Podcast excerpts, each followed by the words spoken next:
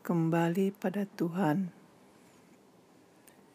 Jika engkau belum mempunyai ilmu, hanyalah prasangka, maka milikilah prasangka yang baik tentang Tuhan. Begitulah caranya. Jika engkau hanya mampu merangkak, maka merangkaklah kepadanya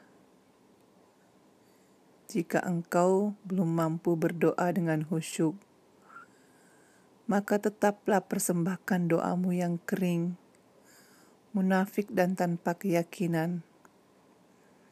Karena Tuhan dengan rahmatnya yang tetap menerima mata uang palsumu.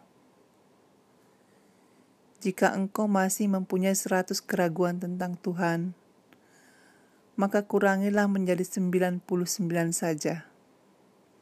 Begitulah caranya wahai pejalan. Biarpun telah seratus kali engkau ingkar janji, ayolah datang dan datang lagi.